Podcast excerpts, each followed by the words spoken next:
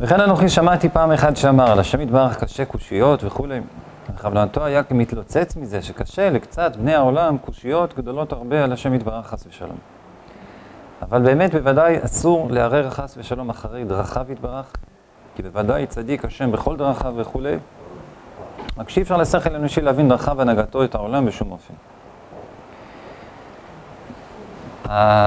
העניין הזה של הקושיות על הקדוש ברוך הוא, רבי נחמן אומר בליקוטי מוהר"ן, שזה ראוי, ראוי וכך ראוי שיהיה, ראוי שיהיה קושיות על הקדוש ברוך הוא. כי אם לא, אם אין לנו קושיות על הקדוש ברוך הוא, אז יוצא שדעתו כדעתנו.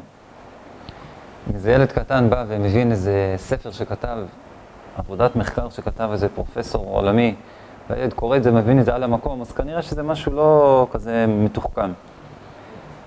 אז על אחת כמה וכמה, אנחנו ביחס לקדוש ברוך הוא, אם אנחנו צריכים להבין כל מה ששם יתברך עושה, זה אומר שהקדוש ברוך הוא לא, הוא לא כזה חכם, חלילה. בוודאי שהקדוש ברוך הוא לא מחשבותיו, מחשבותינו.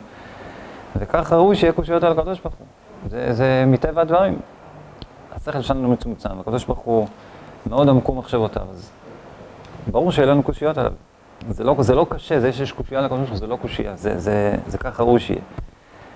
זה רבי נחמן אומר בליקוטי מאורן, בתורה נ"ב וחלק השני, אם אני לא טועה.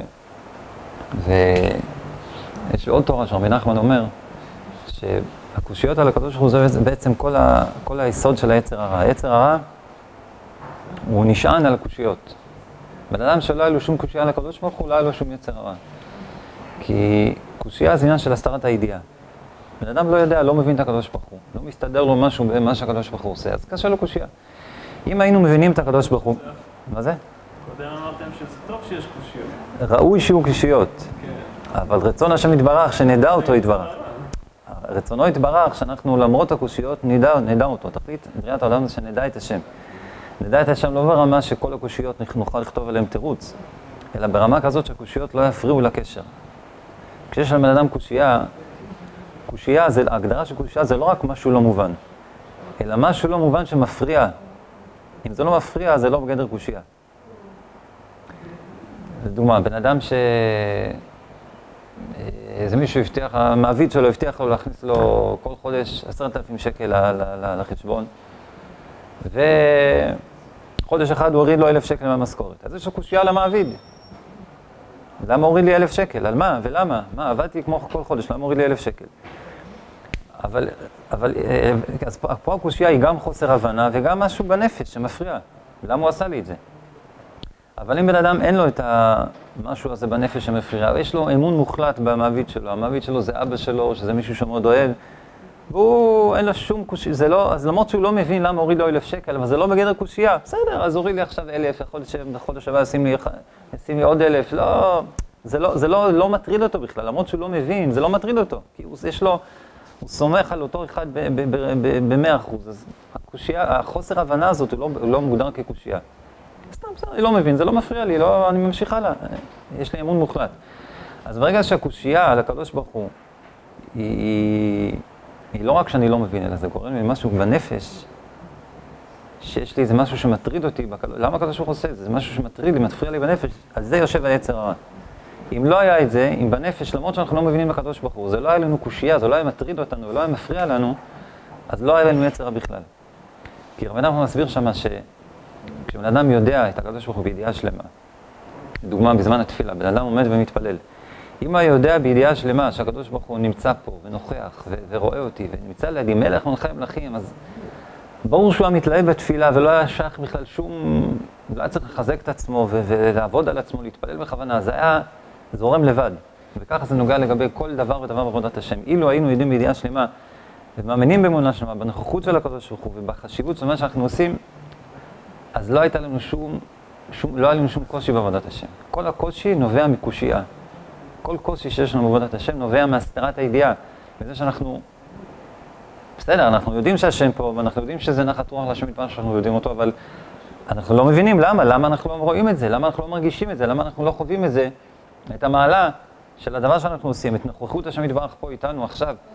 וזה שאנחנו לא חווים את זה ולא מרגישים את זה, זה גורם לנו לקושייה ברמה של לא רק שאנחנו לא מבינים, אלא משהו פה קשה לנו על הקדוש ברוך הוא, משהו פה קשה לנו עם הדבר הזה שאנחנו צריכים לעשות, עם התפילה או עם הלימוד, או עם מה שזה לא יהיה.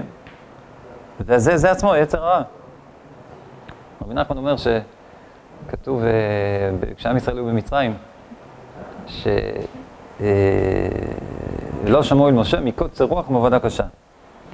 אז רבי נחמן אומר, קוצר רוח זה בעצם חוסר אמונה. רוח, האמונה זה הרוח, זה מה ש... זה, זה הדבר ש, ש, שמרומם את הרוח של בן אדם, האמונה.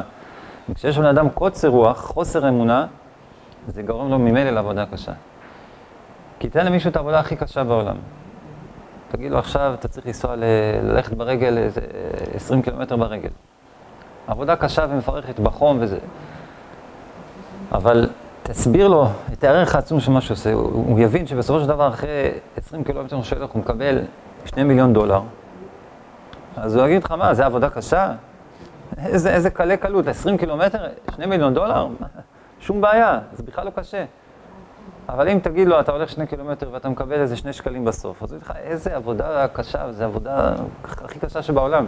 מה, זה, הכל, הכל בהתאם למה שבן אדם יודע שהוא הולך לקבל. בן אדם שיודע ומבין את הערך של מה שהוא עושה ואת הדבר שהוא יקבל כתוצאה ממה שהוא יעשה, אז שום דבר לא קשה לו בכלל, אין שום קושי, זה לא קשה לו בכלל. כל הקושי זה מהסתרת הידיעה. מסתירים מאיתנו את הידיעה ואת המעלה של מה שאנחנו עוסקים, וכתוצאה מזה אנחנו מתרשלים. אז זה, אבל אילו, אילו היינו יודעים בידיעה שלמה, מאמינים באמונה שלמה, במעלה ובערך של מה שאנחנו עושים, ושלנו כיהודים, ושל החשיבות והגדולה של כל דבר קטן, קטן שאנחנו עושים בעבודת השם, אז לא היה לזה שום יצרה, לא יכול למנוע אותנו, והיינו עושים את הכל בהתלהבות ובשמחה ובחיות בלי שום קושי. אז, אה, אז, אז אולי מה שרבי נחמן רוצה להגיד פה, להגיד פה בשיחה הזאת, למרות שזה לא כתוב בפירוש, שהקושיות, הוא אומר, כן, הוא אמר, לשון תימה, לשם יתברך קשה קושיות הרבה מאוד. מה טוב ומה נעים לאיש הזה שזוכה לדעת שלם, שרואה שבעצם כל הקושיות על הקדוש הכל נכון וישר. וכתוב, אחרי זה כתוב שהוא התלוצץ מזה, רק אם מתלוצץ מזה, שקשה קצת קושיות על הקדוש ברוך הוא. אני חושב שהמבט הזה על הקושיות בתור משהו שנועד בעצם, אה, כן, אפשר להסתכל על קושייה, בן אדם יש לו איזה קושי עם מישהו, קושי עם איזה דבר כלשהו. להסתכל על זה ברצינות, לקחת את זה קשה, ואז ממילא זה גם גורר אחרי זה את כל התגובות בהתאם, אין לו כוח לעשות ואין לו חשק וכולי.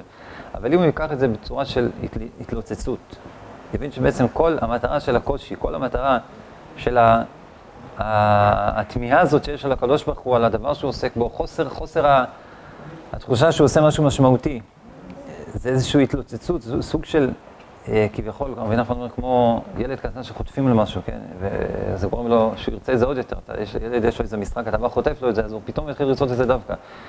זה איזשהו משחק כזה שהקדוש ברוך הוא משחק איתנו, כביכול לוקח לנו, מסתיר מאיתנו את הידיעה, לא בשביל שנהיה עכשיו בחוסר חשק ובחוסר אנרגיה ויאללה. אנחנו לא מבינים, לא מתחברים, לא עושים, אלא הפוך, הסתרת הידיעה, הקושייה, שהקדוש ברוך הוא מקשה עלינו את, את, את עבודת השם, וגורם לנו שאנחנו לא מבינים, לא מרגישים את המעלה והערך של מה שאנחנו עושים.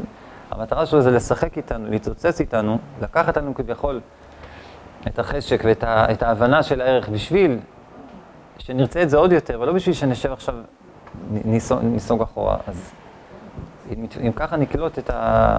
נתייחס לכל הקושיות שלנו וכל הקשיים וה, והחוסר חשק והחוסר הבנה וחוסר ערך ש, שאנחנו נתקלים איתם בעבודת השם, אז זה יעזור לנו לפצח את, ה, את הבעיה בצורה הרבה יותר קלה ו, ו, ועניינית. בסדר, אז אני לא מבין, כביכול מסתירים איתי את ההבנה, מסתירים איתי את הידיעה. בואו ניקח את זה בקלות, נצחוק על זה, ובכל זאת ניכנס לעניין מתוך הזיכרון שיושב לנו מאחורה באיזשהו מקום, שזה דבר מועיל וחשוב ובעל ערך, ובעזרת השם, מתוך כך, מתוך ההתלוצצות הזאת, ולקחת את זה בקלות, ולא לעשות מזה עסק, ולא לא להתרגש מהקושי, אז זה נזכה בעזרת השם, לעבודת השם, בשמחה, בטוב לבב, וגאולה שלמה וקרובה בעזרת השם, במהרה בימינו, אמן ואמן.